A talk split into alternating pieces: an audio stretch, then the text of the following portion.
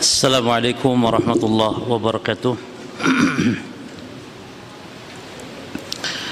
الحمد لله رب العالمين وصلى الله وسلم وبارك على نبينا محمد وعلى آله وأصحابه والتابعين ومن تبعهم بإحسان إلى يوم الدين وسلم تسليما كثيرا.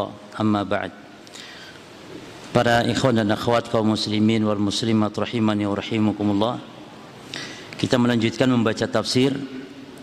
Kita masuk di ayat yang ke-17 dari surah An-Naba Yaitu penjelasan tentang hari kiamat Yang disebutkan di situ dengan Yaumul Fasl ya, Yaitu hari perincian.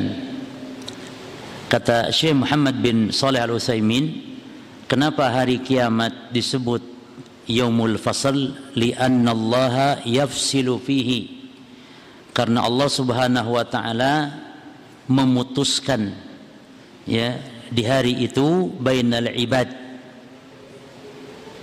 seluruh perselisihan di antara hamba-hambanya. Ini sungguh sangat mengerikan para jemaah. Itu ketika seseorang memiliki urusan kalau di dunia masih banyak cara untuk kita bisa selesaikan dengan mudah. Apalagi pakai duit ya jemaah. Sogok suap misalnya selesai urusan. Damai, cincai istilahnya. Di dunia. Artinya bukan nyogok suap saja, artinya antum nyenggol motor orang, kasih duit selesai, halas. Ya, ke bengkel selesai. nggak ada tuntutan apa-apa. Gitu. Ini salah satu contoh. Tapi di akhirat jemaah Allah yang memutuskan seluruh perselisihan baina al-ibad. Nah,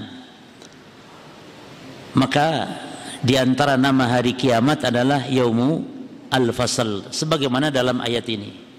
Ya, qala Allah Ta'ala inna yaumal fasli kana miqata. Sesungguhnya hari keputusan adalah suatu waktu yang ditetapkan. Ya, waktunya sudah ditetapkan wa huwa yaumul qiyamah. Ya. Wa sumiya yaumul faslin lianna Allah yafsilu fi bainal ibad fi ma syajara dan dinamakan kiamat dengan hari al-fasl ya. Ini hari perincian hari yakni memutuskan perkara karena Allah di hari itu memutuskan ya seluruh perselisihan hamba wa fi makanu yakhtalifuna fihi dan setiap apa yang mereka perdebatkan. Jadi apa yang menjadi urusan sesama hamba ya nanti ditetapkan oleh Allah, diputuskan oleh Allah dan apa yang diperselisihkan antara yang hak dan yang batil itu juga ditetapkan kelak pada hari kiamat. Fayafsilu baina ahli haq wa ahli batil. Maka pada hari kiamat itu diputuskanlah perselisihan antara ahlul haq dan ahlul batil. Kalau di sini ahlul batil bisa ngeyel merasa paling benar. Kalau di dunia ahlul batil bisa ngeyel cuma. Bisa. Dan orang-orang awam bisa mengatakan oh benar si fulan benar. Tapi hakikatnya nanti akan ada di hari kiamat Allah yang tetapkan. Nah inilah yang dimaksud dengan tolong dibedakan para ya. Ada uh, hakku apa namanya? Ada uh, ilmu hak ya dan ada yang dimaksud dengan ilmu al-yakin atau ada yang disebut dengan istilah hakikatul haq ada istilah ilmu haq. Artinya hakikat kebenaran betul itu Allah yang memutuskan nanti. Tapi di dunia ini ada yang namanya ilmu kebenaran berupa ilmu. Kan sekarang kita kalau ber berdebat misalnya dengan ahlul batil akan mengatakan sudahlah jangan banyak kita berdebat di sini karena masalah kebenaran hanya Allah yang tahu. Ini syubhat ini perlu dirinci maksud perkataan ini. Masalah halal haram ya tidak harus Allah yang tahu tapi para nabi, para rasul, para ulama telah menjelaskan al halal wal haram. Ini syi, ini syirik, ini tauhid, ini sunnah, ini bid'ah, ini halal, ini haram tidak boleh mengatakan sudahlah nanti saja di akhirat. Enggak boleh di dunia kita tahu ini yang hak, ini yang batil. Ini halal, ini haram. Ini syirik, ini bid'ah. Ini tauhid, ini sunnah, ini bid'ah. Jadi kalau kita tahu sekarang seseorang sholat tanpa wudhu kita hakul yakin solatnya dari diterima oleh Allah. Ada orang solat tanpa wudhu. Kita hakul yakin solat orang ini sudah diterima oleh Allah. Jangan sampai mengatakan kamu jangan ponis orang ini solatnya dan diterima. Karena urusan menerima tidak menerima ibadah seorang hanya Allah. Ya akhi orang tidak wudhu. Orang tidak wudhu. Lalu solat. Masa mengatakan masih ragu diterima atau tidak diterima oleh Allah? Justru ini kebatilan ucapan seperti itu. Wajib kita meyakini orang ini solatnya tidak diterima oleh Allah. Kebid'ahan ini bid'ah, solatnya tidak diterima oleh Allah misalnya. Wajib kita imani. Jangan masih pula ragu. Jangan-jangan diterima. Bahkan ada yang sampai mengatakan, saya yakin si fulan kafir, tapi masalah masuk neraka ini urusan Allah katanya. Loh, si fulan kafir, tapi masalah mati nanti kalau ndak ndak masuk Islam ya, mati di atas kekafiran, masuknya ke mana? Surga atau neraka? Ah, itu urusan Allah. Lah kok bisa urusan Allah? Kalau mati di atas kekufuran, wajib meyakini si fulan di neraka jahanam dan kekal selamanya. Jangan ragu. Kecuali kalau ada orang jemaah diperselisihkan ya baru kita tidak tahu mati dalam keadaan apa. Itu lain urusan. Tapi sudah yakin dia mati di atas kekufurannya maka kita wajib meyakini si fulan ini orang kafir ini akan kekal di dalam neraka. Maka diharamkan memohonkan ampun. Kan bisa saja bisa saja. Barangkali diampuni oleh Allah. Barangkali. Nggak boleh barangkali. Orang kalau mati jelas di atas kekufurannya Allah larang Nabi Muhammad memohonkan ampun. Ya Allah larang Nabi Muhammad untuk mohonkan ampun bagi orang yang matinya jelas di atas ke musyrikan atau ke kufuran. Maka yang dimaksud diputuskan di akhirat yakni kebenaran yakni artinya kebenaran hakiki. Yani ada kebenaran hakiki, ada kebenaran ilmiah. Nah, kebenaran ilmiah ini kita wajib tahu di dunia ini. Ini halal, ini haram, ini sah, ini tidak sah, ini batil, ini hak. Wajib kita tahu. Ya. Adapun masalah pemberian pahala dan semisalnya itu hak Allah Subhanahu wa taala. Naam, wa yafsilu fihi aidan baina ahli jannati wan nar. Dan diputuskan pula di hari kiamat tersebut antara penduduk surga dengan penduduk neraka. Fa fariqun fil jannah wa fariqun fis sa'ir. Maka sekelompok manusia nanti masuk masuk surga dan sekelompok lagi nanti masuk neraka. Ini maksud dari firman Allah inna yaumal fasli kana miqata. Ya. Kana miqata jemaah. Yakni miqatan. Sesuatu yang ditetapkan yakni miqatan lil jaza. Ditentukan yakni batas waktunya. Mauku mauqutan li ajli ma'dudin. Ya. Yakni ditetapkan kapan batas waktunya. Sebagaimana Allah berfirman dalam surah Hud ayat 104 wama nuakhiruhu illa li ajlin ma'dud. Kata Allah dan kami tidaklah mengundurkannya melainkan sampai waktu yang telah ditetapkan kata Allah.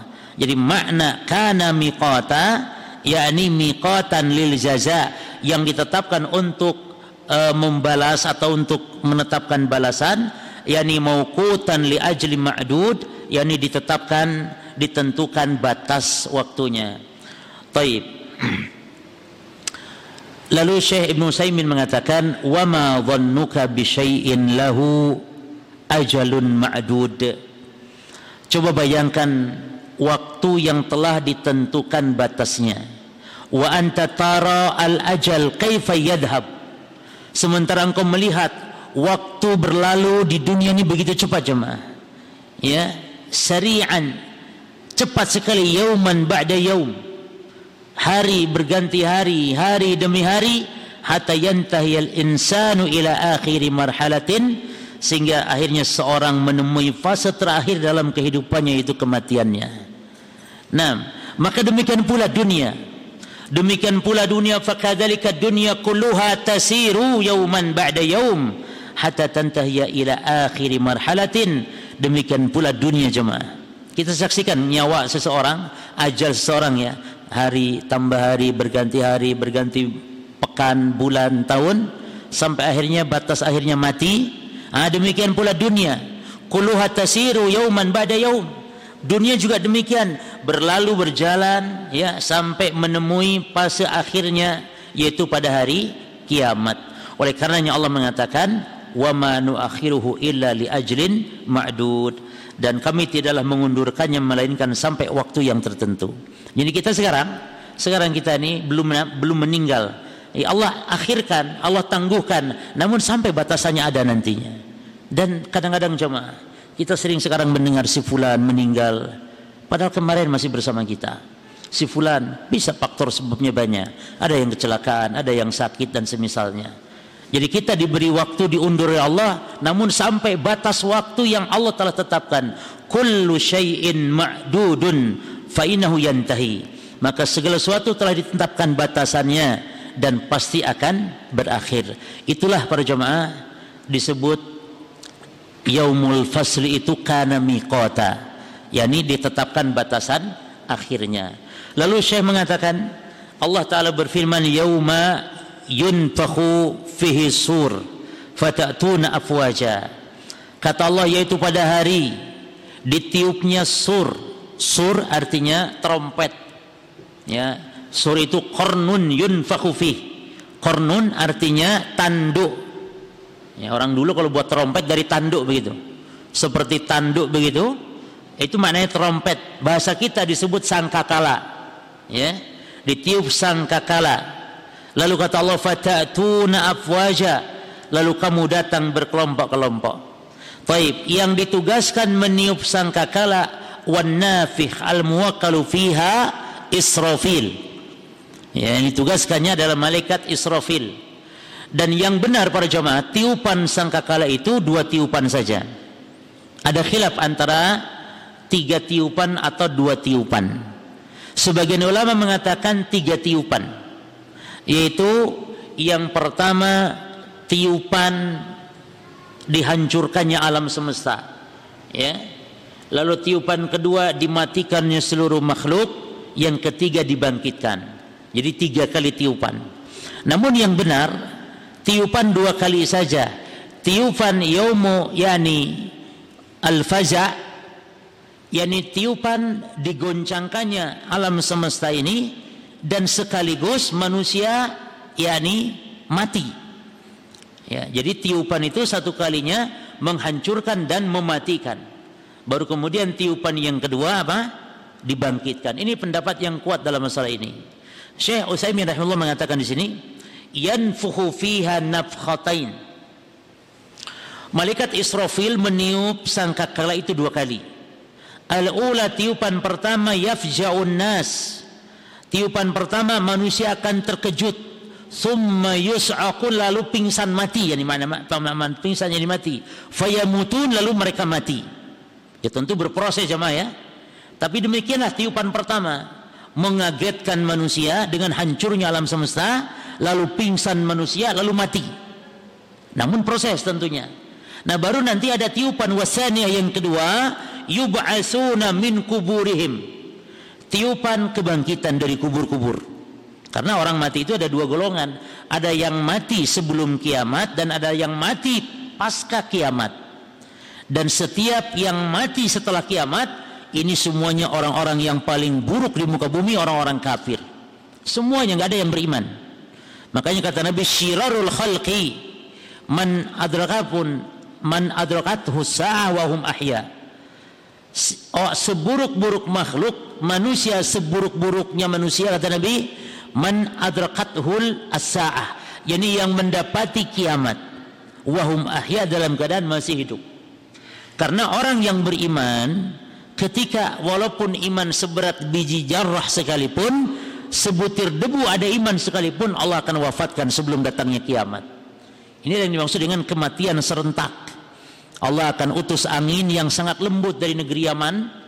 Lalu angin itu akan mendapati seluruh penduduk yang ada di muka bumi jemaah. Dari negeri Yaman, angin itu datang akan mewafatkan setiap orang yang ada dalam hatinya iman. Semuanya akan meninggal serentak. Sehingga tinggallah sisa manusia yang paling buruk kepada mereka lah kiamat terjadi. Ada dua manusia yang buruk ya. Satu yang mendapati kiamat, yang kedua orang yang manittakhadha kubur anbiya'ihim masajid. Itu orang yang menjadikan kubur-kubur nabi dan orang-orang soleh sebagai tempat ibadah. Itu mereka seburuk-buruk makhluk pada jemaah.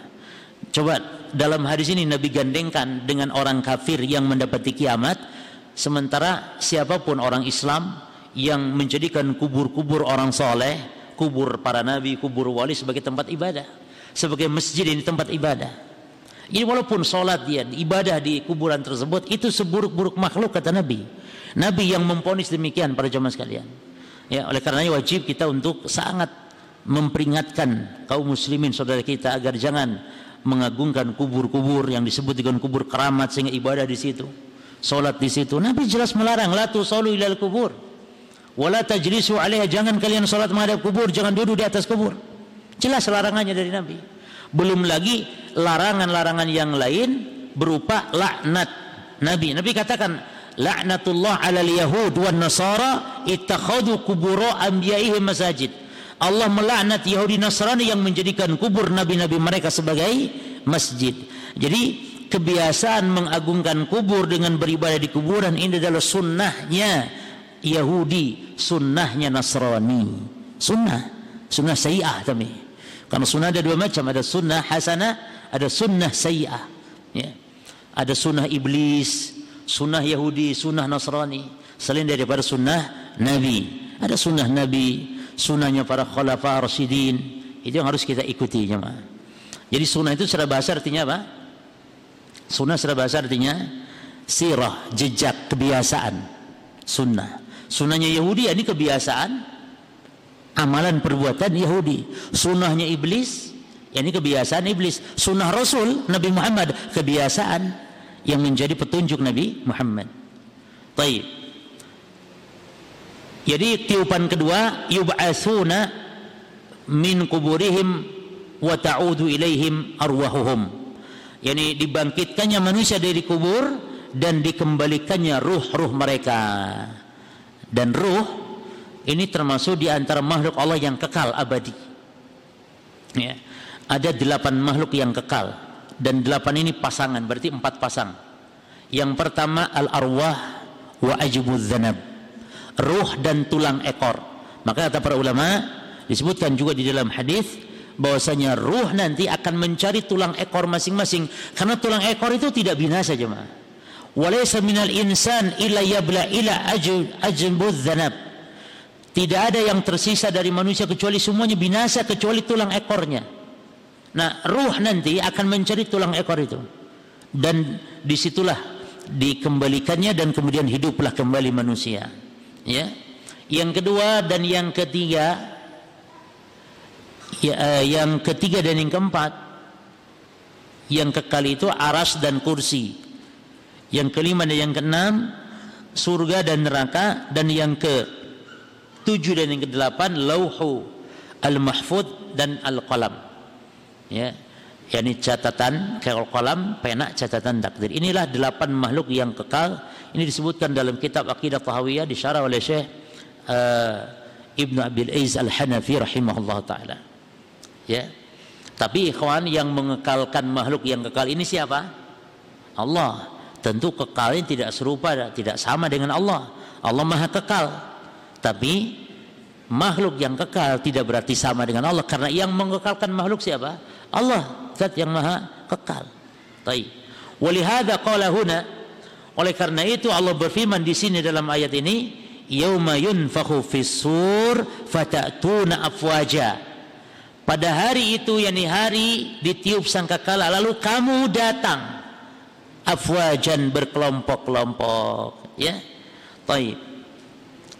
Dan di dalam kalimat ini para jemaah tentu ada kalimat atau kata yang dibuang ini artinya meringkas kata dalam bahasa Arab demikian ya Nah, yakni maksudnya fatahyuna fatatuna afwaja.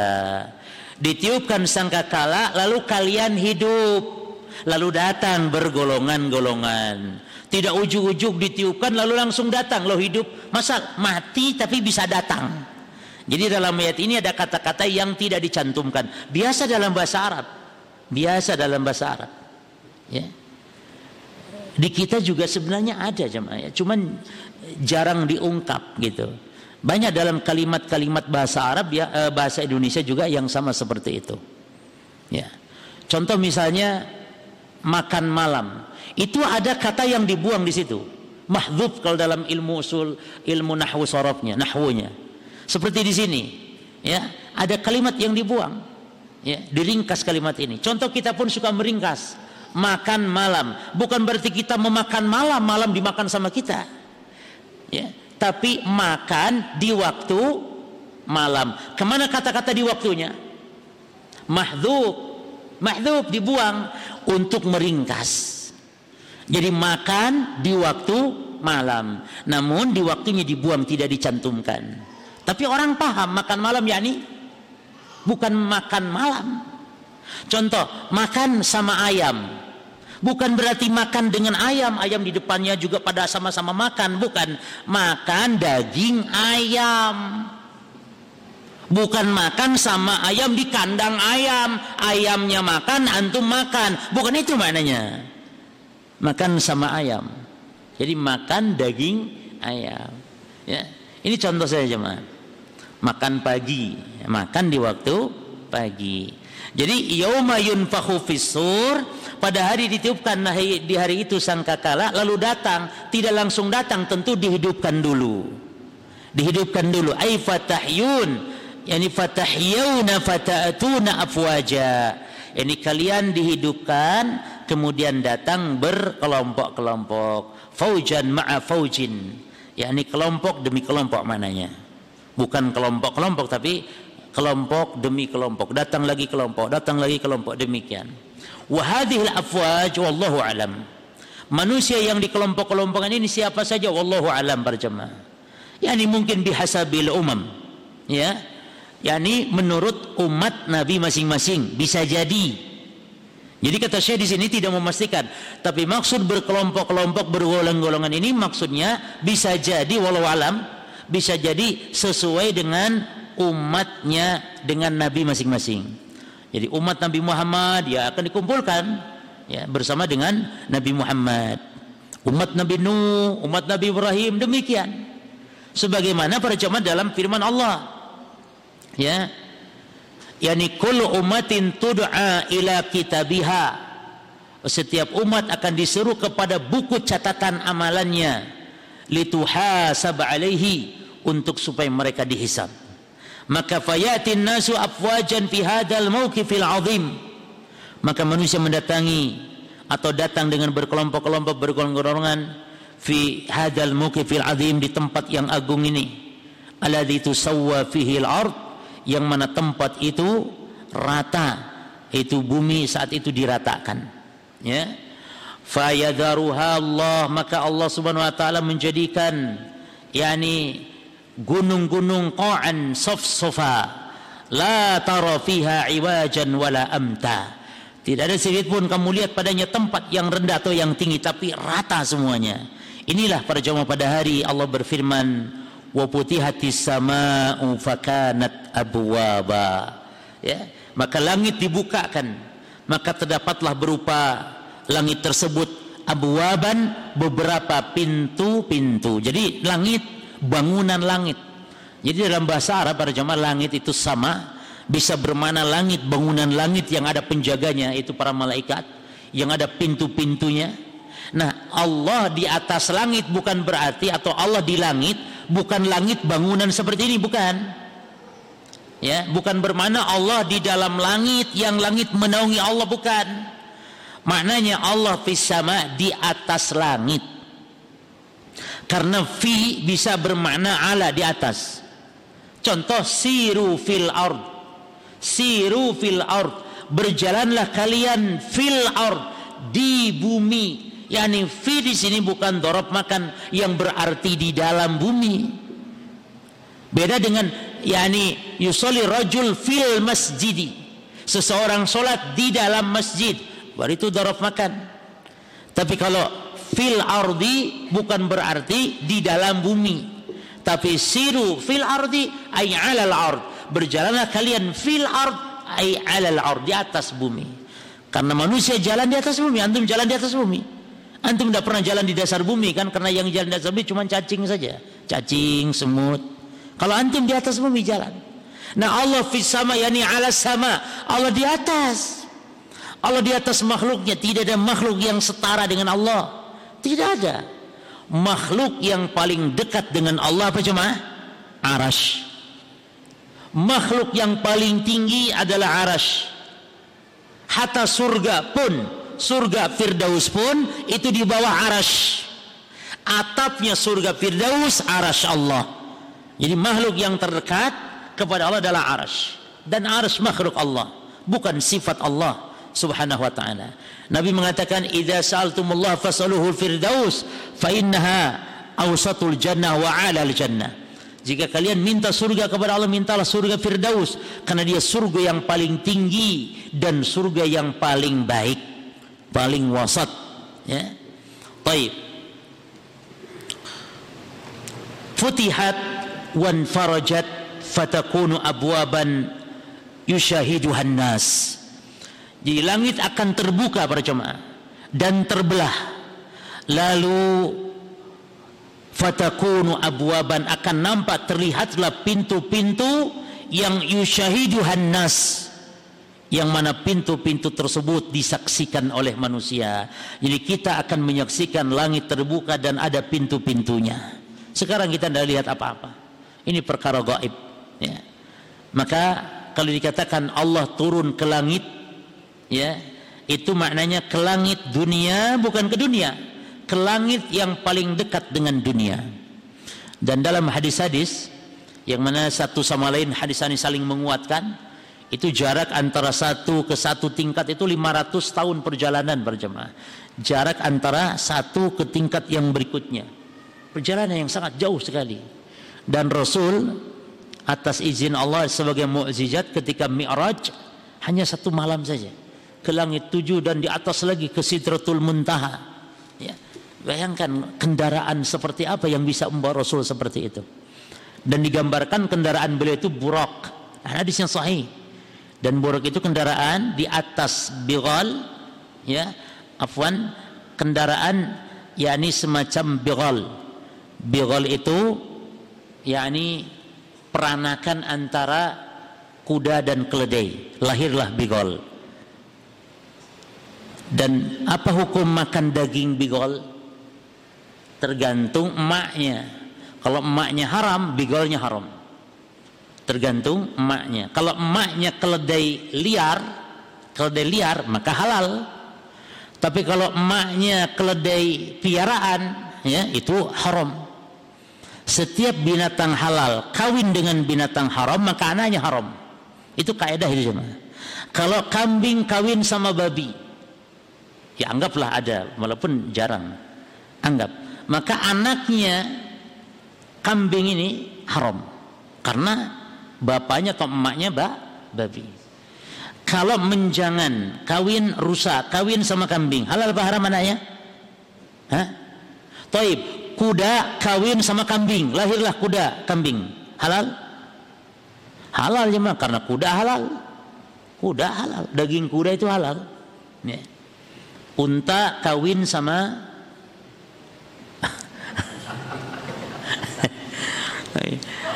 sebenarnya ada ndak sih binatang yang begitu cuma ya terkadang ada dalam beberapa kasus namun jarang. Ya. dan itu berarti binatang yang tidak normal kan begitu cuma normalnya kan kambing sama kambing. Antum normal laki sama perempuan kan itu. Laki sama laki tidak normal. Ya LGBT naudzubillah Taib. Badaan kanat sakfan mahfuzan padahal sebelumnya langit merupakan atap yang sangat kokoh para jemaah. Takun fi dzalikal yaum ah, pada hari itu berubah menjadi abwaban maftuhah menjadi pintu-pintu yang terbuka. Wa fi hadha dalilun ala kamali qudratillahi azza wajal. Dan ini semua menunjukkan kesempurnaan, kemahasempurnaan kuasa Allah Subhanahu wa taala anna hadhihi as-sab'a asyidad bahwa tujuh lapis langit yang Allah ciptakan yaj'aluha Allah taala yaumal qiyamah ka'lam takun. Yang mana di hari kiamat tujuh lapis langit yang kokoh yang Allah ciptakan ya seolah tidak pernah ada sebelumnya pada hari kiamat. Takun abwaban yakni Allah menjadikan beberapa pintu. Dalam surah al-ma'arij ayat 8 sampai ayat yang 9 itu Allah mengatakan yauma takunu sama kal muhl. Pada hari kiamat itu ketika langit menjadi seperti al-muhl yakni seperti al-muhli apa ya? Yakni uh, perak yang di yang dilelehkan. Seperti lelehannya perak. Wa takunul jibal kal'ihin dan gunung-gunung seperti bulu yang berterbangan. Demikian perumpamannya para jemaah kita saksikan gunung yang kokoh sekarang. Ya. Cuman antum lihat sendiri ketika terjadi uh, apa? Uh, meletus atau apa di erupsi gunung apa ini namanya? Semeru. Semeru ya. Seperti itu. Kita melihat begitu mengerikannya. Nah, di hari kiamat Allah jadikan gunung seperti bulu-bulu yang berterbangan atas kuasa Allah Subhanahu wa taala. Wa sifatun ukhra di sana juga ada sifat yang lain tentang gunung yang Allah sebutkan. Fi qawlihi pada firman-Nya ini wasuyratil jibal fakanat saraba. Ya, dan dijalankanlah gunung-gunung maka fakanat saraba seperti fata morgana dia. Gunung dijalankan oleh Allah. Ai annal jibal al-azimah yakni gunung-gunung yang besar dan tinggi menjulang seperti itu ya dia tadukku fatakunu karamal. Digoncangkan oleh Allah gunung yang kokoh yang tinggi kokoh perkasa tersebut digoncangkan oleh Allah lalu seperti ramal seperti debu summa takunu kasarab lalu seperti fata morgana tasiru yang berjalan. Subhanallah. Wasiratil jibalu fakanat saraba maka jemaah kalau kita baca ayat ini kan ayat sering kita baca ini ayat sering kita baca. Namun karena kita tidak paham maknanya, kita hanya dapat satu pahala saja. Karena kita tidak paham maknanya, kita hanya dapat satu pahala saja. Menangis pun kita tidak sanggup lagi karena sudah tidak paham artinya. Maka aneh bin Ajib kalau ada orang yang baca ayat yas'alunaka 'anil mahi tapi nangis. Ini perlu dicurigai. Ini nangisnya kenapa? Wong ayat nggak ngomong neraka. Apa kata Allah? Eh? Bertanya kepada engkau Muhammad tentang haid. Katakan haid itu adalah kotoran. Masa baca ayat haid nangis? Kenapa? Nangis itu ketika menyebut gunung seperti debu yang berterbangan. Baru kita takut bergetar. Nangis akhirnya. Adab Allah. Misalnya neraka. Ini enggak. Mungkin dia nangis karena sedih tidak bisa jima sama istrinya. Karena istrinya sedang haid. Tapi mungkin jemaah ya dengan indahnya bacaan seseorang bisa jadi. Tapi nangis ketika baca Quran atau mendengar Quran, nangis karena sebab kita tahu maknanya. Rasul menangis ketika sampai di firman Allah bahwa manusia akan dikumpulkan. Setiap nabi menjadi saksi atas umatnya. Di situ Nabi, nabi SAW menangis. Karena beliau merasa takut akan menjadi saksi atas umatnya. Beliau khawatirkan umatnya. Nangis beliau. Ya. Jadi nangis itu memang ada faktor sebab memahami makna ayat. Maka dengan cara inilah kita memahami ayat, membaca tafsirnya, ya. Namun walaupun tidak paham ayat, maknanya nggak masalah, tetap dapat pahala. Itu pahala membaca dan antum subhanallah jemaah. Ibadah yang paling antum, antum jangan remehkan. Sekarang antum punya umur, punya kuota. Sebelum antum dikubur, punya kuota umur kita jemaah mumpung masih kita punya kuota perbanyak baca Quran. Karena membaca Quran luar biasa. Lebih abdul daripada dikir apa pun jemaah. Dan pahalanya luar biasa. Satu huruf sepuluh. Satu huruf berjemaah sepuluh. Ini antum baca alif lam mim tiga puluh hasanat. Yang mana satu hasanah di akhirat kelak khairun minat dunia wa fiha. Lebih baik dari dunia dan seluruh isinya. Maka enteng baca Quran itu enteng gampang maka mari ikhwan, kita biasakan rutinkan tiap hari baca Quran. Tidak boleh tidak, tiap hari baca Quran. Dan amal yang paling abdul secara mutlak ibadah lisan baca Quran. Walaupun tidak paham maknanya, tetap 30 hasanat. Alif lam mim. Kata Ibnu Munqara harfan bi kitabillah min kitabillah falahu bi hasanah. Siang baca huruf dari kitabullah maka baginya hasan. Wal hasanatu bi asya bi asya amsalih. Dan hasanat dilipat gandakan 10 kali lipat. Kata Nabi, la aqulu alif lam mim harfun. Aku tidak mengatakan alif lam mim itu sehuruf tidak. Walakin alifun harfun, walamun harfun, wa mimun harfun. Tapi alif sehuruf, lam sehuruf, mim sehuruf. Ini kalau alif lam mim 30 berarti. Bayangkan kalau satu lembar antum baca satu lembar berapa hasanat. Dan itu daripada antum bengong, antum diam. Maka mari ke mana-mana baca Al-Quran. Ini Ramadan berakhir, jangan sampai Ramadan putus, baca Quran pun putus. Allah hendak apa hendak menyukai hamba seperti itu. Ya. Antum jangan kayak orang-orang awam yang disebutkan oleh para ulama, bi'sal kaum la ya'rifunallaha illa fi Ramadan. Sangat hina, celaka suatu kaum yang dia tidak kenal ibadah kecuali hanya di Ramadan. Banyak orang awam kan begitu. Di Ramadan pada ke masjid, selesai Ramadan perai ke masjidnya. Padahal Ramadan itu pembelajaran. Berapa banyak yang juga Allah beri hidayah? Setelah Ramadan pun ternyata ketika di bulan Ramadan dia pertama kali masuk masjid di bulan Ramadan maka setelah Ramadan ternyata masih terus berlangsung. Ini tanda Ramadannya diterima oleh Allah Subhanahu wa taala. Ya baik. Kemudian qauluhu taala inna jahannama kanat mirsada firman Allah sesungguhnya neraka jahanam itu padanya ada tempat pengintai ai mursidatun wa mu'idatun lit-taghin ini tempat yang dipersiapkan bagi orang-orang yang elit bagi orang yang durhaka, orang-orang yang melampaui batas. Ya. Jadi ada yakni tempat yang dipersiapkan bagi orang-orang yang melampaui batas. Itu makna mirsodan. Mirsodan itu artinya mursidatun wa mu'idatun litogin. Ini tempat yang dipersiapkan ya bagi orang-orang yang melampaui batas itu maknanya. Itu makna neraka jahanam itu mirsadan mengintai ya. Ada tempat pengintainya. Taib.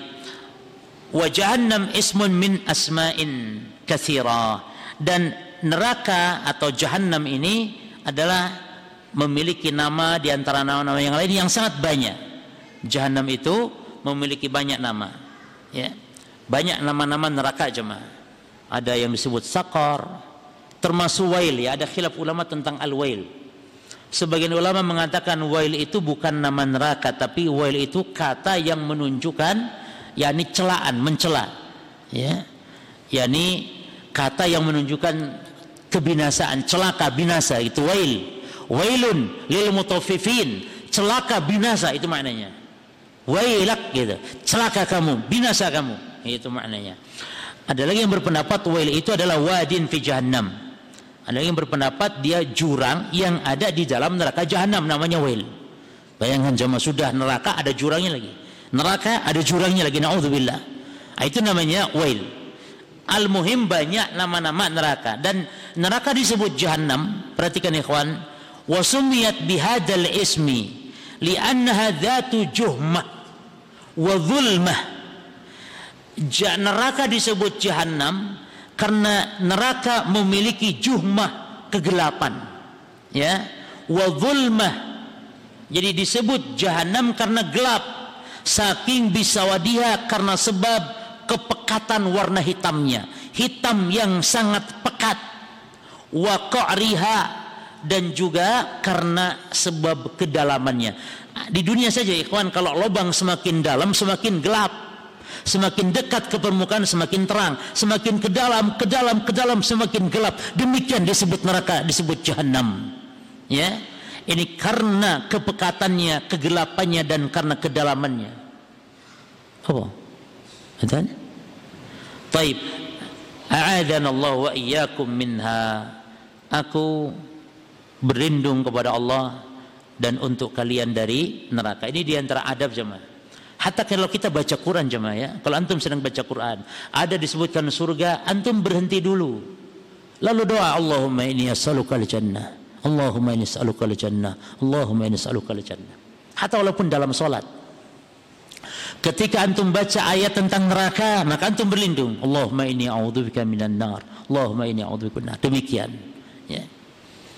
Tapi ketika ada disebut bidadari gimana jemaah? Ngomong apa kita?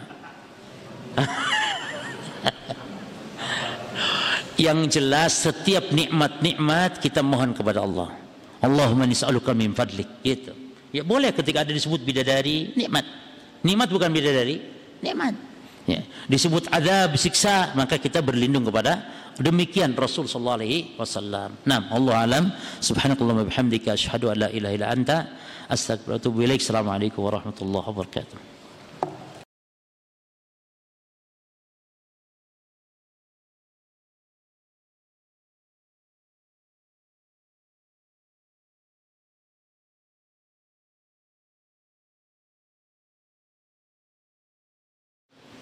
Allah berfirman mengabarkan tentang hari keputusan wahwa yaumul qiyamah yaitu yang dimaksud adalah hari kiamat. Annahum muaqqatun bi ajalin ma'dud.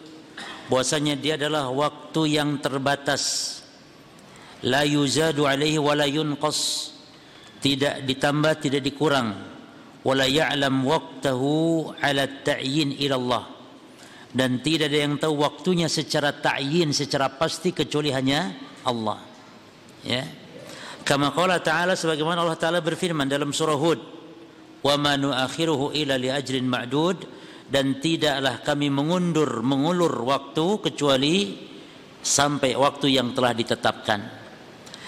Yauma yunfahu fi suri fatatuna afwajan yaitu pada hari Allah Subhanahu wa taala atau pada hari ditiupkan pada hari itu sangkakala fatatuna afwajan itu kalian datang pada hari itu afwajan bergolong-golongan.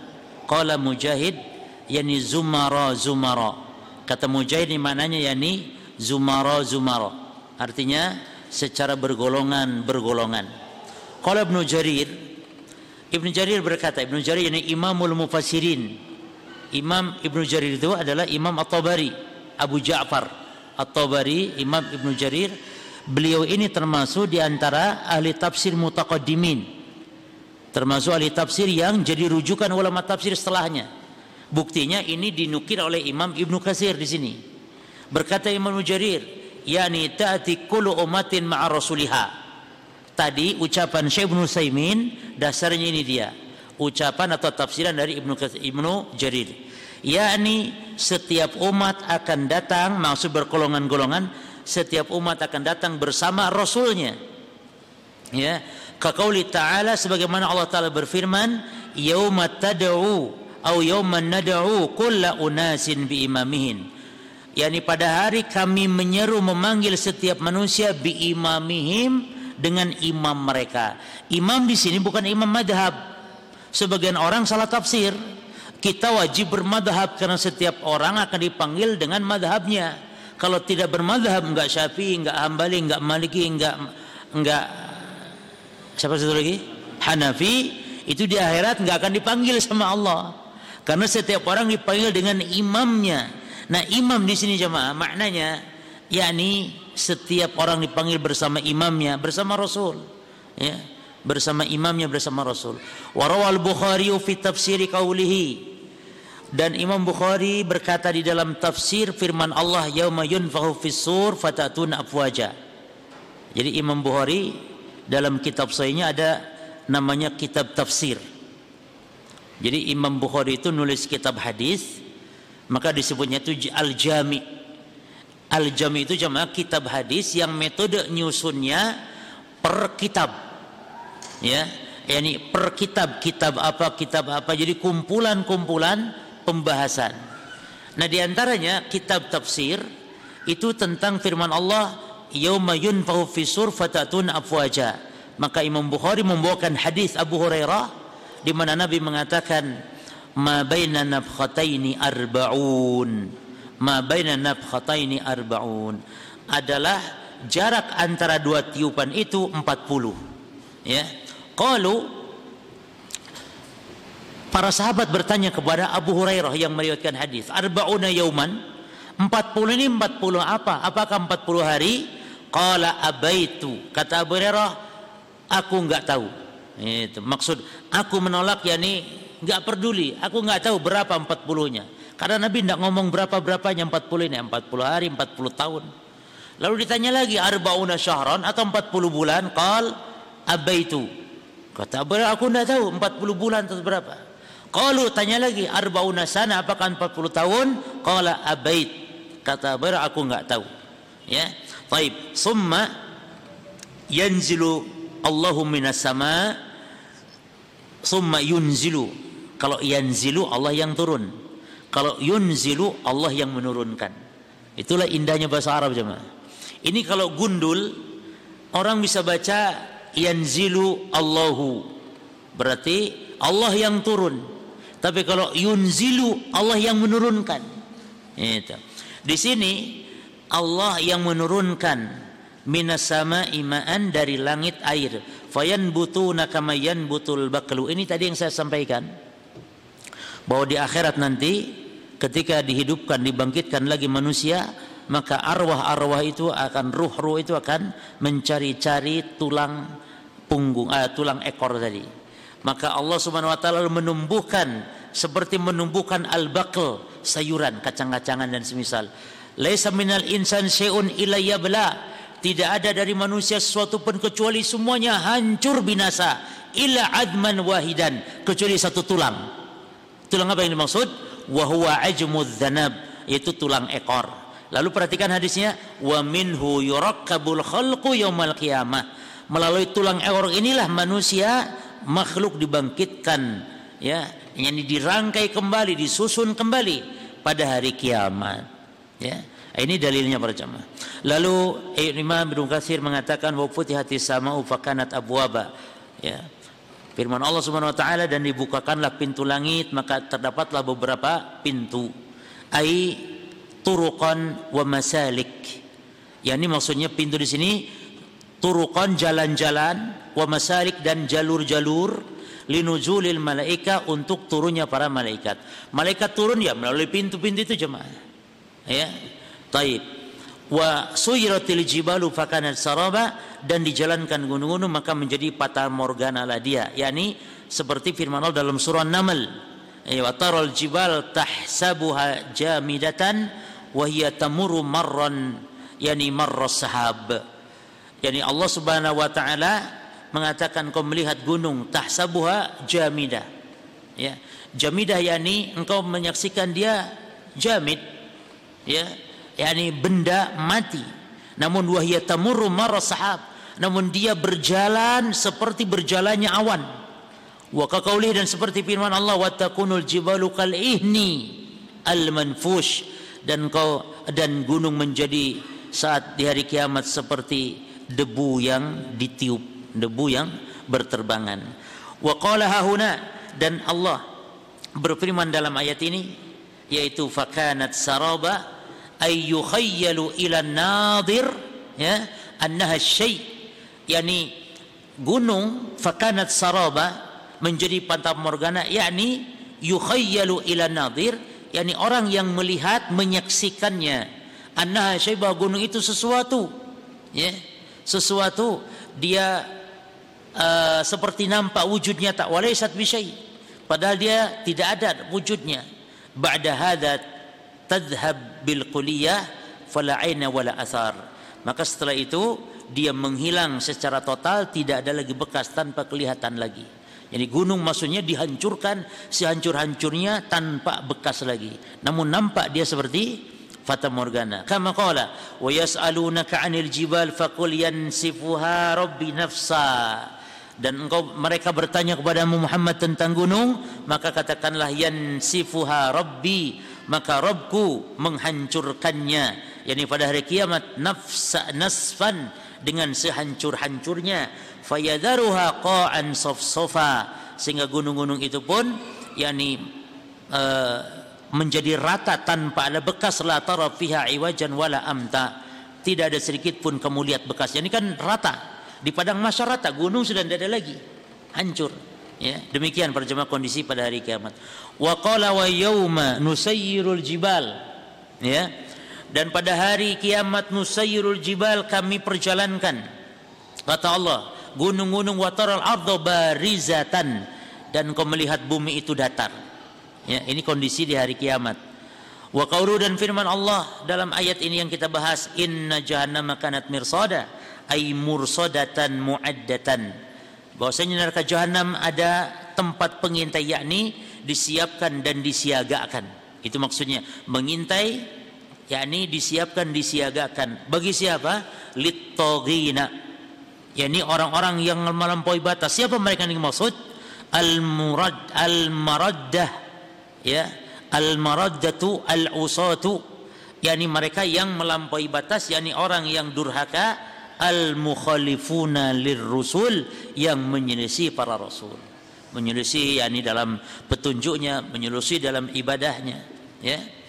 Ma'aban ya litaghina ma'aban. Apa arti ma'aban?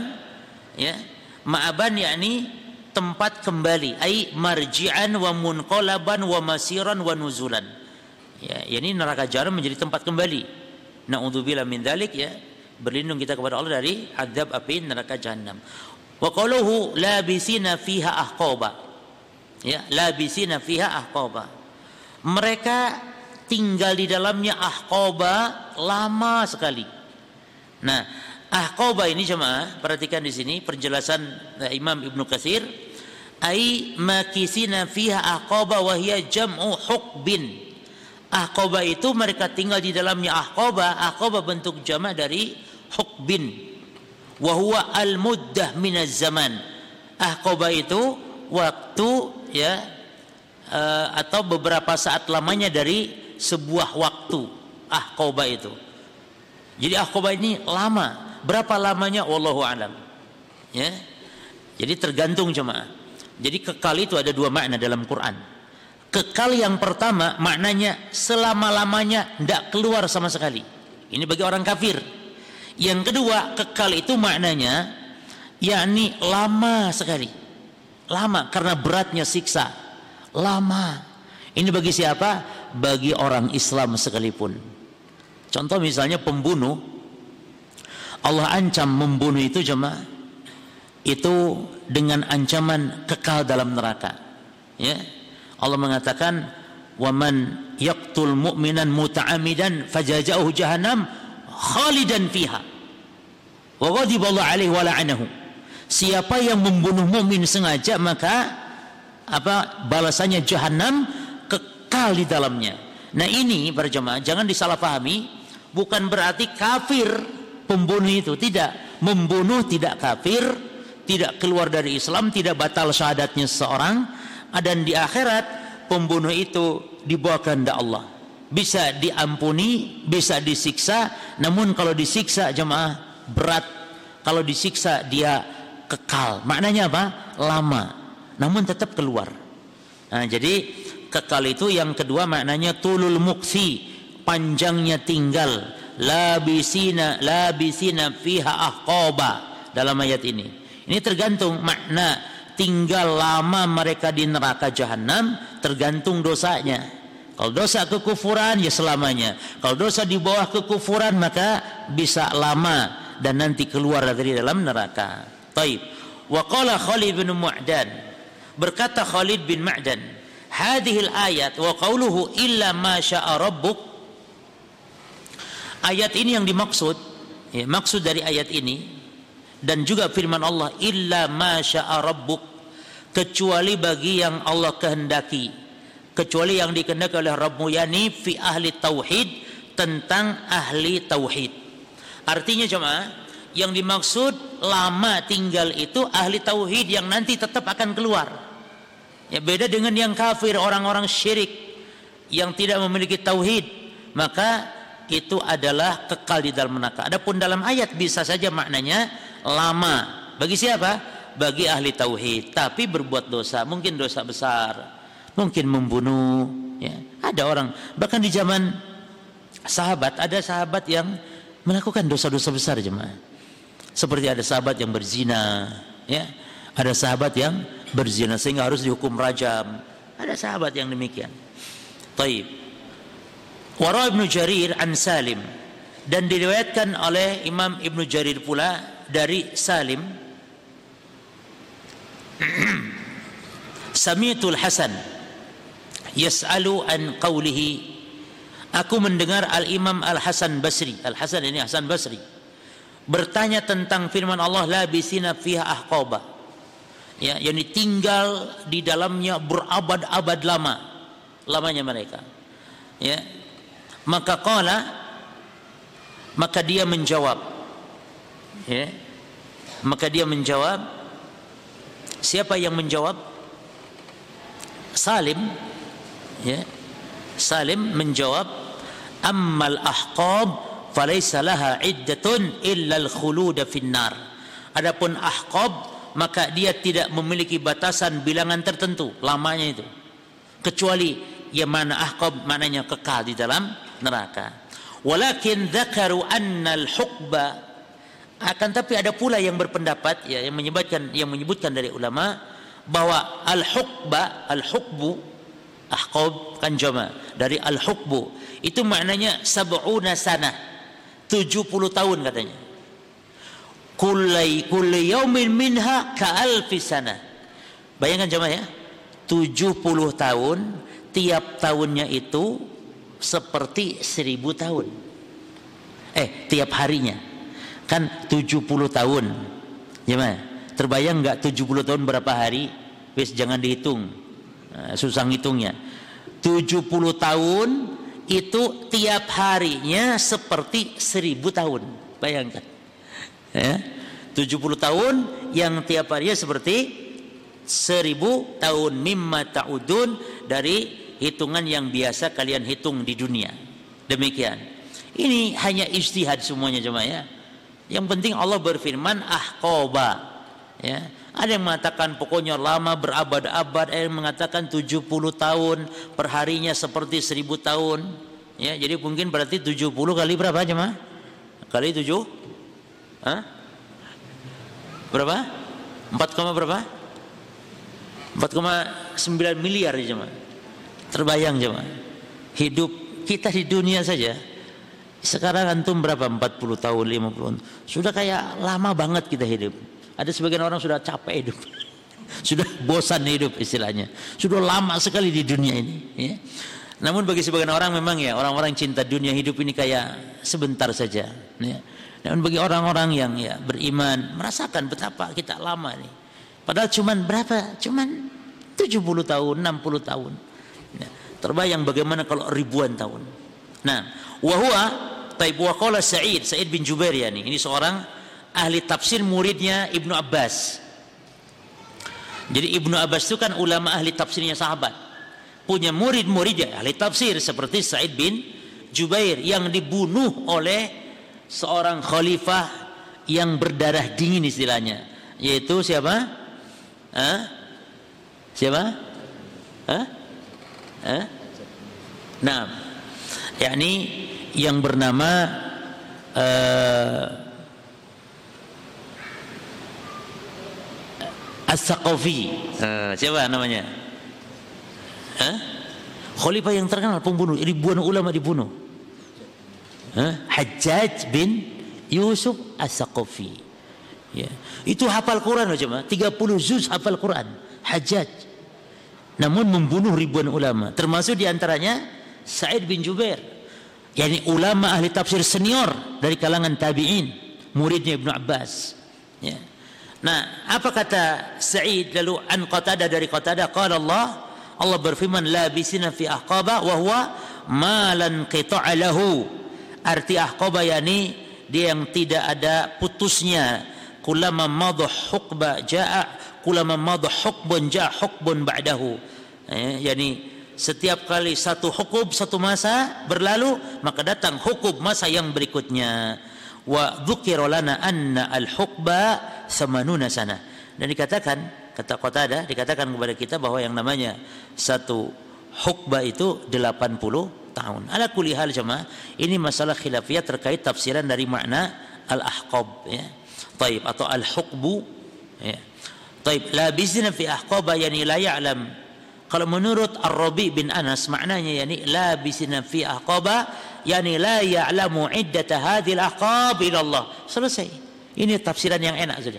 Tidak ada yang tahu batasannya, bilangannya, berapanya, ukurannya kecuali hanya Allah saja. Nah, walakinna al-hukbal wahida samanuna sana. Akan tapi kata Imam Ibnu Katsir, satu hukum itu 80 tahun. Selam, sementara tahun itu berapa? Salasumi'atun salasumi'atin wasittuna yauman yakni 360 hari satu tahun itu nah kulu yaum kulu yaum Jadi antum kalikan dulu 80 dikalikan eh, berapa? 360 hari kan ya? Satu tahun kan 360. Kalikan berapa? 80. Nah, nah sehari itu kalau sudah dapat itu kalikan lagi 7 uh, seri, kali seribu. Kullu yaumin ka'al fisana. Satu harinya seperti satu tahun mimma ta'udun. Berarti ucapan ucapan Ibnu Katsir ini diambil dari tafsiran-tafsiran para as-salaf ya. Baik. Wa qawluhu la yadukuna fiha bardan wala syaraba. Allah berfirman la yadukuna fiha bardan. Tidak merasakan di dalam neraka tersebut bardan sejuk wala syaraban dan tidak terdapat pula minuman. Yakni panas dan tidak ada minuman. Dalam ayat-ayat yang lain ada minuman disebutkan. Illa hamiman wa ghassaqa ini minuman di dalam neraka. Ay la yajiduna fi jahannam bardan liqulubihim perhatikan tafsiran ulama. Maksud sejuk bardan liqulubihim bagi hati-hati mereka. Wala syaraban thayyiban yani yataghadawna bihi. Dan tidak ada minuman ya tidak ada minuman untuk mereka jadikan bahan makan untuk badan-badan mereka. Ini kalau kesejukan untuk hati kalau minuman untuk dohir badan ya. Walihada qala illa hamiman wa oleh karenanya Allah berfirman kecuali hamiman air yang mendidih wa ghasaqa nanti akan ada banyak tafsiran ghasaqa ghasak artinya nanah penduduk neraka ya. Wa qala abul aliyah istasna minal bard al hamima wa min syarab al ghasaqa kata abul aliyah Allah mengecualikan ya. Dikecualikan ini kecuali. Tidak ada minuman kecuali. Itu tidak ada apa namanya bardan wala syaroban tidak merasakan sejuk tidak pula ada minuman lalu Allah kecualikan dua pula hamim dan gosak yang disebutkan dinafikan dua ya. Apa tadi yang dua ini? Sejuk dan minuman. Lalu Allah kecualikan dua yaitu air panas dan gosak. Nah kata Abu Aliyah mengkompromikannya adalah begini kata beliau. Isnasna Allah mengecualikan minal bard Allah mengecualikan minal bard al-hamim. Air yang mendidih Allah kecualikan apa? Al-bard kesejukan. Wa syarab dan Allah kecualikan minuman ya al-ghassaq yaitu al-ghassaq yaitu nanah. Sebagai apa namanya? Sebagai bentuk apa? Lawannya gitu. Dari minuman yang baik. Kan minuman ya Allah Allah Allah apa sebutkan lawannya kecuali ghassaq nanah. Itu kan minuman. Tapi minuman yang sangat buruk sekali. Lalu kalau kesejukan Allah kecualikannya apa? Panas air panas hamim air mendidih. Ya subhanallah. Kan itu lawannya. Sejuk dingin lawannya air mendidih. Minuman baik lawannya nanah minuman yang jelek. Itu. Wa kada qala Rabi' bin Anas. Demikian pula ini katakan oleh Rabi' bin Anas fa ammal hamim adapun hamim fahuwal har itu panas alladhi qad intaha harruhu wa humuhu yaitu panas yang sampai pada panas yang mencapai titik puncak panas. Di kita ini berapa derajat apa kalau panas ukuran derajatnya coba? Fahrenheit gitu berapa ya? Bukan eh, derajat Celcius lagi berapa? Tapi panas berapa puncak mendidih itu di, di dalam neraka demikian 70 kali lipat lagi. Antum pegang puntung rokok, pegang begini seret langsung melepuh baru puntung rokok jemaah. Dan itu luar biasa. Neraka jahanam digambarkan bagaimana panasnya, ya. Wa al-ghasaq wa majtama'a min sadidi ahli nar. Adapun gosak itu adalah nanah yang dia kumpulan nanah dari penduduk neraka. Wa araqihim juga kumpulan keringat-keringat mereka, wa dumu'ihim dan air mata mereka, wa juruhihim dan luka-luka mereka. Jadi jadi gosak itu campuran. Ya kalau es jus mah dicampur ada alpukat ada jeruk ada itu campuran. Enak mah es campur ini ndak? Minumannya campuran waliyadzubillah campuran apa? Nanahnya keringatnya air matanya dan luka-luka boroknya ahli nar. Fahuwa baridun la yustata'u min bardihi. Dan nanah ini sangat dingin. Ini kata tafsiran ya di Ibnu Katsir. Nanah yang sangat dingin. Wala yuwajahu min natnihi. Ya. Dan apa namanya? Tidak ada yang sebanding dengannya dari kebusukan nat natnih itu kebusukannya ya jadi dingin yang paling busuk jadi kalau nanah bukan panas kalau yang panas hamim tapi kalau nana di sini adalah dingin.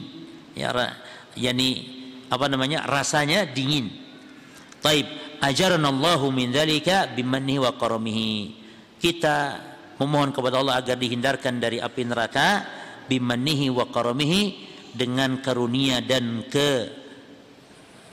kemuliaan Allah Subhanahu wa taala. Taib. Wa qawluhu jazaan wifaqa ya jajaan pembalasan wifaqo yang setimpal ai hadza ladhi saru ilaihi min hadhihi al-uqubah yakni hukuman ya hukuman yang berlaku itu ya wafqa a'malihimul fasidah sesuai dengan amalan mereka yang rusak. Jadi hukuman ini yang berlaku bagi mereka ini adalah wafqa sesuai dengan amalan mereka yang rusak. Alati kanu ya'maluna fi dunya yang mereka dahulu kerjakan di dunia. Qalahu ini ditafsirkan oleh Mujahid wa Qatadah wa ghairu wahidin ay min ahli tafsir. Jadi perkataan jazaan wifaqa yakni amalan amal uh, siksa-siksa tadi yang dirasakan itu sebagai bentuk balasan yang setimpal atas perbuatan mereka yang rusak ya merusak yakni maknanya berbuat syirik berbuat bidah dan berbuat maksiat segala yang dilarang oleh Allah Subhanahu wa taala ya Taib. Summa qala innahum kanu la yarjuna hisaba. Mereka yakni orang-orang kafir, mereka tidak berharap untuk dihisab. Takut mereka untuk dihisab jemaah. Ay lam yakunu ya'taqiduna anna samma daran. Yani artinya mereka mereka lam yakunu ya'taqidun, mereka tidak meyakini. Yani mereka tidak berharap dihisab, artinya mereka tidak meyakini anna sama bahwasanya di sana daron ada tempat tinggal yang yuja yang yujazuna fiha wa yuhasabuna ya bahwa ada ada tempat untuk mereka mendapatkan yakni balasan yang baik. Ya dibalas dan dihisap. Merasa nggak ada tempat. Mereka merasa tidak pantas dihisap karena tidak punya apa-apa. Wa kadzabu bi ayatina kidzaban ay wa kanu yukadzibuna bi hujajillah. Mereka mendustakan dengan ayat kami dengan kedustaan yakni mereka mendustakan ya mendustakannya bihujajillah terhadap hujah-hujah Allah Subhanahu wa taala mendustakan hujah yakni bukti-bukti Allah Subhanahu wa taala wadalalihi wadala wadalailihi dan dalil-dalil didustakan oleh mereka ala khalqihi allati anzalah ala rusulihi dan yakni hujah-hujah Allah serta makhluk-makhluk Allah yang Allah turunkan melalui para rasulnya. Ini hujah Allah ada dua macam jemaah ya. Hujah secara syar'i dan hujah secara kauni. Ya, makhluk-makhluk Allah Subhanahu wa taala. Dalil-dalil Allah itu ada pada makhluknya, mereka ingkari. Dalil-dalil Allah yang ada pada syariat berupa wahyu melalui para rasul mereka juga mendustakan. Fayuqabilunaha bitakdzibi wal mu'adah wal mu'anadah dan mereka menghadapinya dengan mendustakan dan pembangkangan ya bitakdzib dengan mendustakan wal mu'anadah dengan pembangkangan wa qaluhu kidzaban adapun firman Allah kidzaban ai takdziban maksudnya mendustakan wa masdar min ghairi al fi'il dan dia bentuk masdar kata dasar yang bukan merupakan bentukan dari kata kerja ya, karena masdar itu bentuk dari kata kerja takdziban Nah, itu baru dari kata kerja. Kadzdzaba yukadzibu, takdzib. Tapi kalau kidzaban juga masdar namun bukan dibentuk dari kata kerja. Wa qauluhu wa kullu syai'in ahsaynahu kitaba. Dan firman Allah bahwa segala sesuatu kami catat. Segala sesuatu ahsaynahu kami telah apa? mencatatnya kitaban dalam satu kitab. Nah, ini yang dimaksud apa? Catatan-catatan amal-amal hamba para jemaah ya ay wa qad alimna a'mal al ibad kullahum yani kami telah mengetahui serta mencatat semua perbuatan perbuatan hamba mereka semuanya. Ini Allah tahu semuanya. Wa katabnahum ya alaihim dan kami catat kata Allah. Yang mencatat memang malaikat jemaah. Tapi karena para malaikat ini milik Allah atas perintah Allah ditugaskan oleh Allah, maka tidak salah kalau dikatakan Allah yang mencatat. Ya. Seperti kami yang mewafatkan kata Allah. Padahal yang mewafatkan adalah ditugaskannya oleh Allah kepada para malaikat. Malaikat yang mencabut nyawa mewafatkan. Namun hakikatnya karena Allah yang memerintahkan, Allah yang menguasai malaikat tersebut, maka tidak salah kalau dikatakan Allah yang mewafatkan. Maka istilah mewafatkan terkadang disandarkan kepada malaikat, ya. Kadang disandarkan kepada Allah itu sendiri.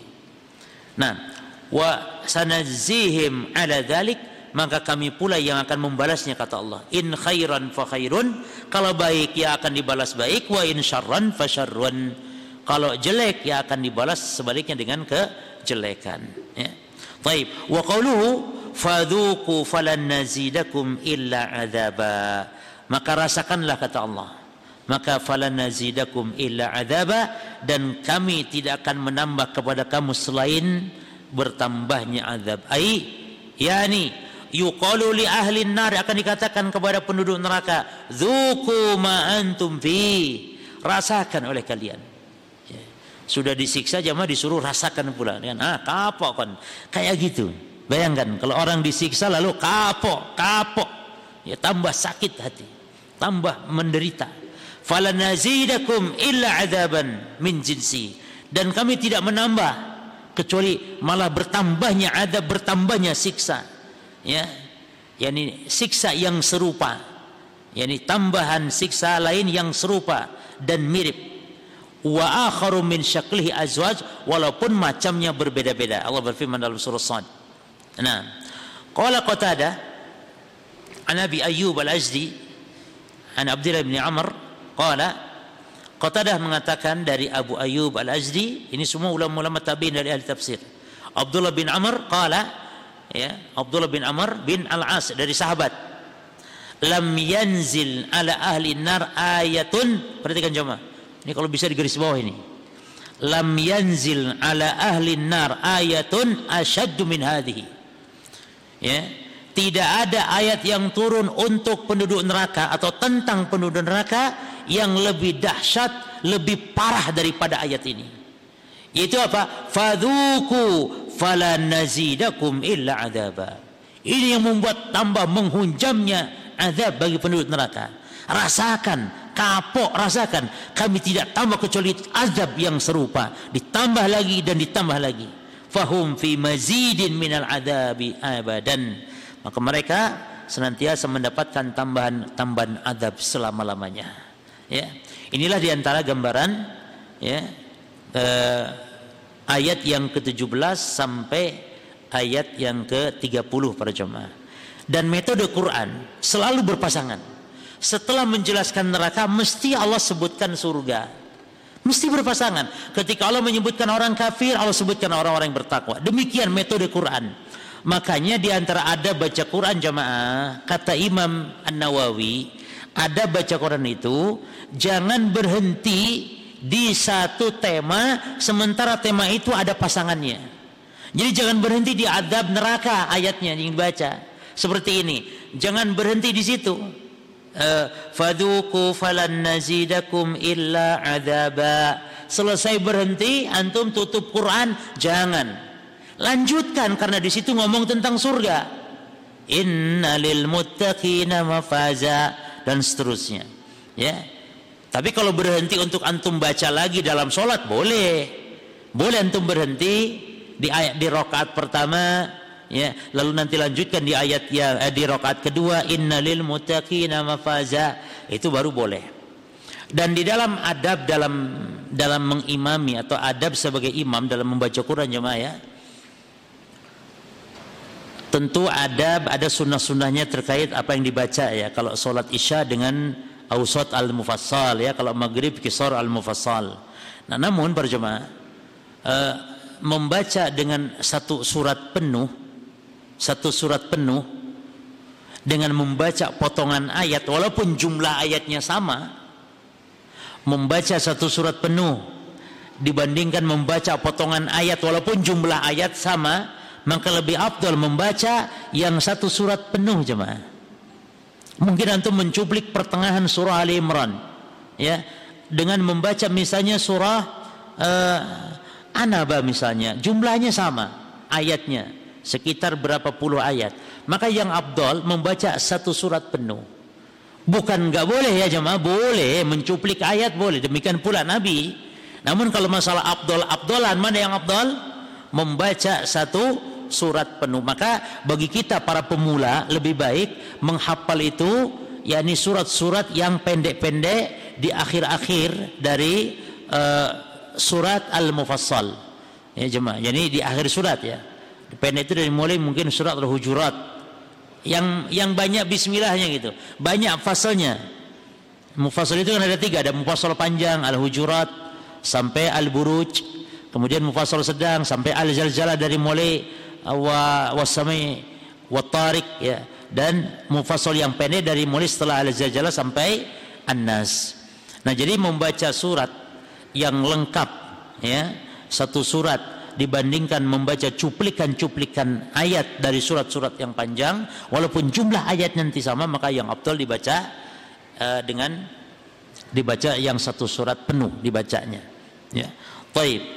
Kemudian para jemaah sekalian selanjutnya uh, disebutkan dari mulai ayat 31 sampai uh, ayat yang ke-36 ya itu Allah berfirman tentang orang-orang yang bertakwa. Di sini ditunjukkan bagaimana al-fauz al-kabir lil muttaqin yaitu kemenangan yang besar bagi orang yang bertakwa. Setelah Allah menyebutkan tentang orang-orang yang celaka, Allah sebutkan lawannya orang yang beruntung. Setelah Allah sebutkan neraka, Allah sebutkan setelah itu surga. Demikian metode Al-Qur'an ya, ya menyebutkan selalu berpasangan. Yaqulu ta'ala mukhbirun anis su'ada Barulah Allah berfirman di sini, "Inna lil muttaqina mafaza." Sesungguhnya hanya bagi orang-orang yang bertakwa yang mendapatkan kemenangan. Nah, kata Allah, Allah di sini mengkabarkan tentang orang yang berbahagia. Wa ma'ada dan apa yang Allah persiapkan lahum bagi mereka minal karamah berupa kemuliaan wa na'imil mukim dan nikmat yang abadi. Jadi Allah menyebutkan tentang orang yang suada. Suada ini orang yang sa'id, yang bahagia. Ya. Jadi arti sa'id artinya bahagia. Orang yang bernama Sa'id mudah-mudahan bahagia. Ya. Dan itu doa cuma nama itu doa. Ya. Namakan saleh supaya anak menjadi saleh. Itu doa nama itu. Maka namakan yang baik-baik. Ya. Taib. Jadi Sa'id jamaknya suada. Ya. Jadi orang-orang yang bahagia. Apa kata Allah? Inna lil muttaqina mafaza. Sungguhnya bagi orang-orang yang bertakwa mendapatkan keuntungan atau kemenangan. Qala ibnu abbas wa dhahak ibnu abbas dan ad-dhahak berkata yani mutanazzahan. Ya mutanazzahan. Yani yang dimaksud kemenangan itu yani mutanazzahan tempat bertamasya. Di mana maksudnya? Di surga. Tempat bertamasya. Wa qala mujahid wa qatadah yani fazu wa najau minan nar. Arti bahagia kemenangan dalam ayat kata mujahid dan qatadah ini mereka mendapat kemenangan dan keselamatan dari api neraka. Itu hakikat kemenangan. Seperti dalam firman Allah faman zuhziha anin nar wa udkhilal jannah faqad faz Siapa yang diselamatkan dari neraka dimasukkan surga, maka dia orang yang beruntung. Ini hakikat keberuntungan. Jadi sukses itu jemaah ketika orang masuk surga itu sukses. Sukses itu bukan berhasil. Salah kalau apa arti kesuksesan keberhasilan? Salah karena berhasil korupsi berarti sukses. Korupsi berhasil. Kan gitu jemaah. Berhasil mencuri berarti sukses. Kan gitu. Maka sukses itu eh, apa namanya bukan berhasil tapi sukses ketika seorang masuk di surganya Allah Subhanahu wa taala. Taib al-adhar hahuna qaul Ibnu Abbas. Namun yang nampak benar di sini adalah perkataan Ibnu Abbas. Ya. Ini yang maksud Ibnu Abbas apa? Bertamasya di surga gitu katanya. Kenapa? Li'annahu qala ba'dahu. Karena Allah berfirman setelahnya hadaiqa.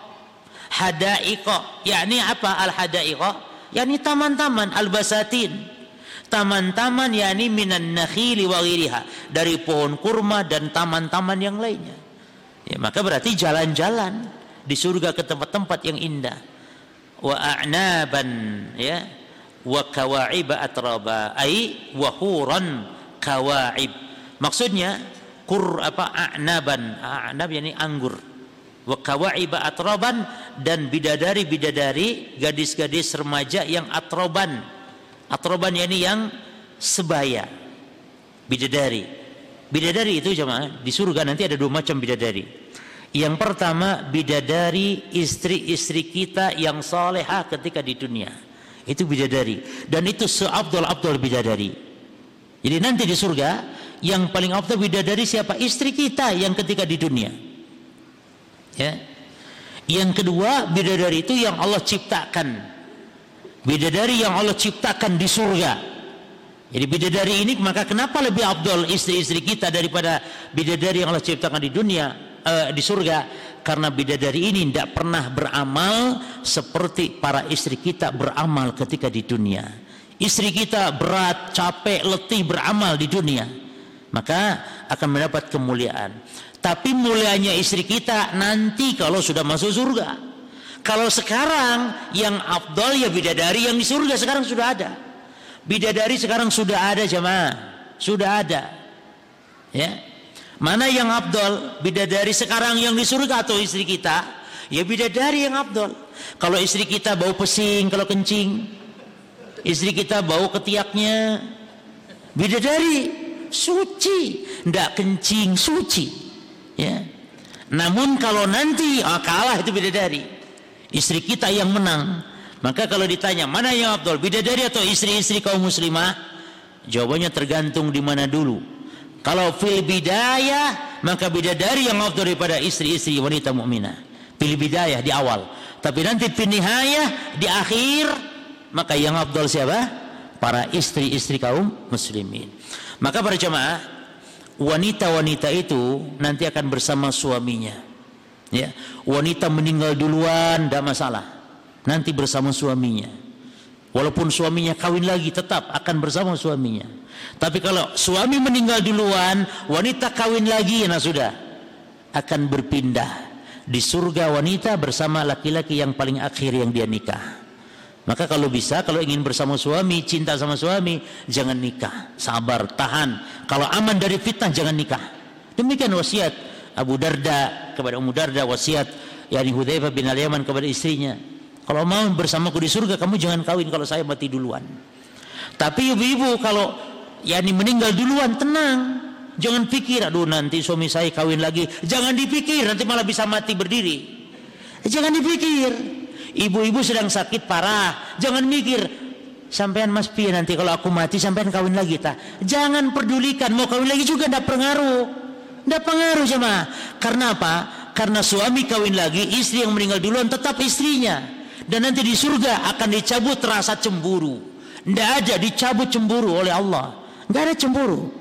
Makanya kalau di dunia mungkin istri kita cemburu kalau kita kawin lagi, tapi di akhirat nanti nggak ada rasa cemburu lagi. Maka para wanita jangan khawatir.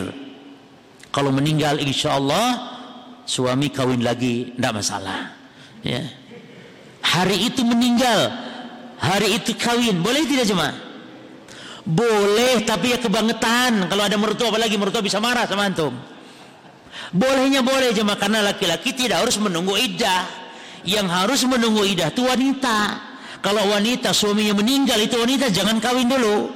Kalaupun mau kawin jangan kawin dulu. Harus nunggu empat bulan sepuluh hari. Empat bulan sepuluh hari sambil memastikan kandungan. Itu subhanallah. Dan sebagai bentuk menghormati suami. Tapi sinir-siniran boleh. Ya artinya kawin nggak boleh lamaran nggak boleh tapi sindir-sindiran boleh artinya menyindir itu gini ada harapan untuk menikahinya seorang laki-laki boleh menyindir gini Misalnya ya, jangan melamar, jangan tapi nyindir. Dek, saya itu suka perempuan yang rambutnya kayak kamu itu. Ah, misalnya. Oh, berarti ini ya nanti ada harapan sama saya. Itu boleh itu. Tapi sekali lagi ya, kalau memang niat mau kawin lagi wanita ini, kalau tidak lebih abdal kalau mau bersama suaminya. Tapi kalau suaminya jahat, bagaimana coba? Lebih baik wanita ini kawin lagi saja. Wanita, suami jahat, Bahkan wanita ini doanya, ya Allah, kapan suamiku mati ini suami ini sudah kalau suami jahat seperti ini mati maka ibu-ibu segera kawin lagi cari lelaki soleh cari bagaimana mau juga apa yang diharapkan dari suami seperti itu jemaah tapi kalau lelaki soleh Masya Allah dia ingin bersama keluarga di surga ya jangan nikah. Jangan nikah ya. Demikian jemaah habis waktunya insya Allah saya minta izin untuk persiapan uh, kajian online. Kemudian mungkin ada pertanyaan tadi, apa itu?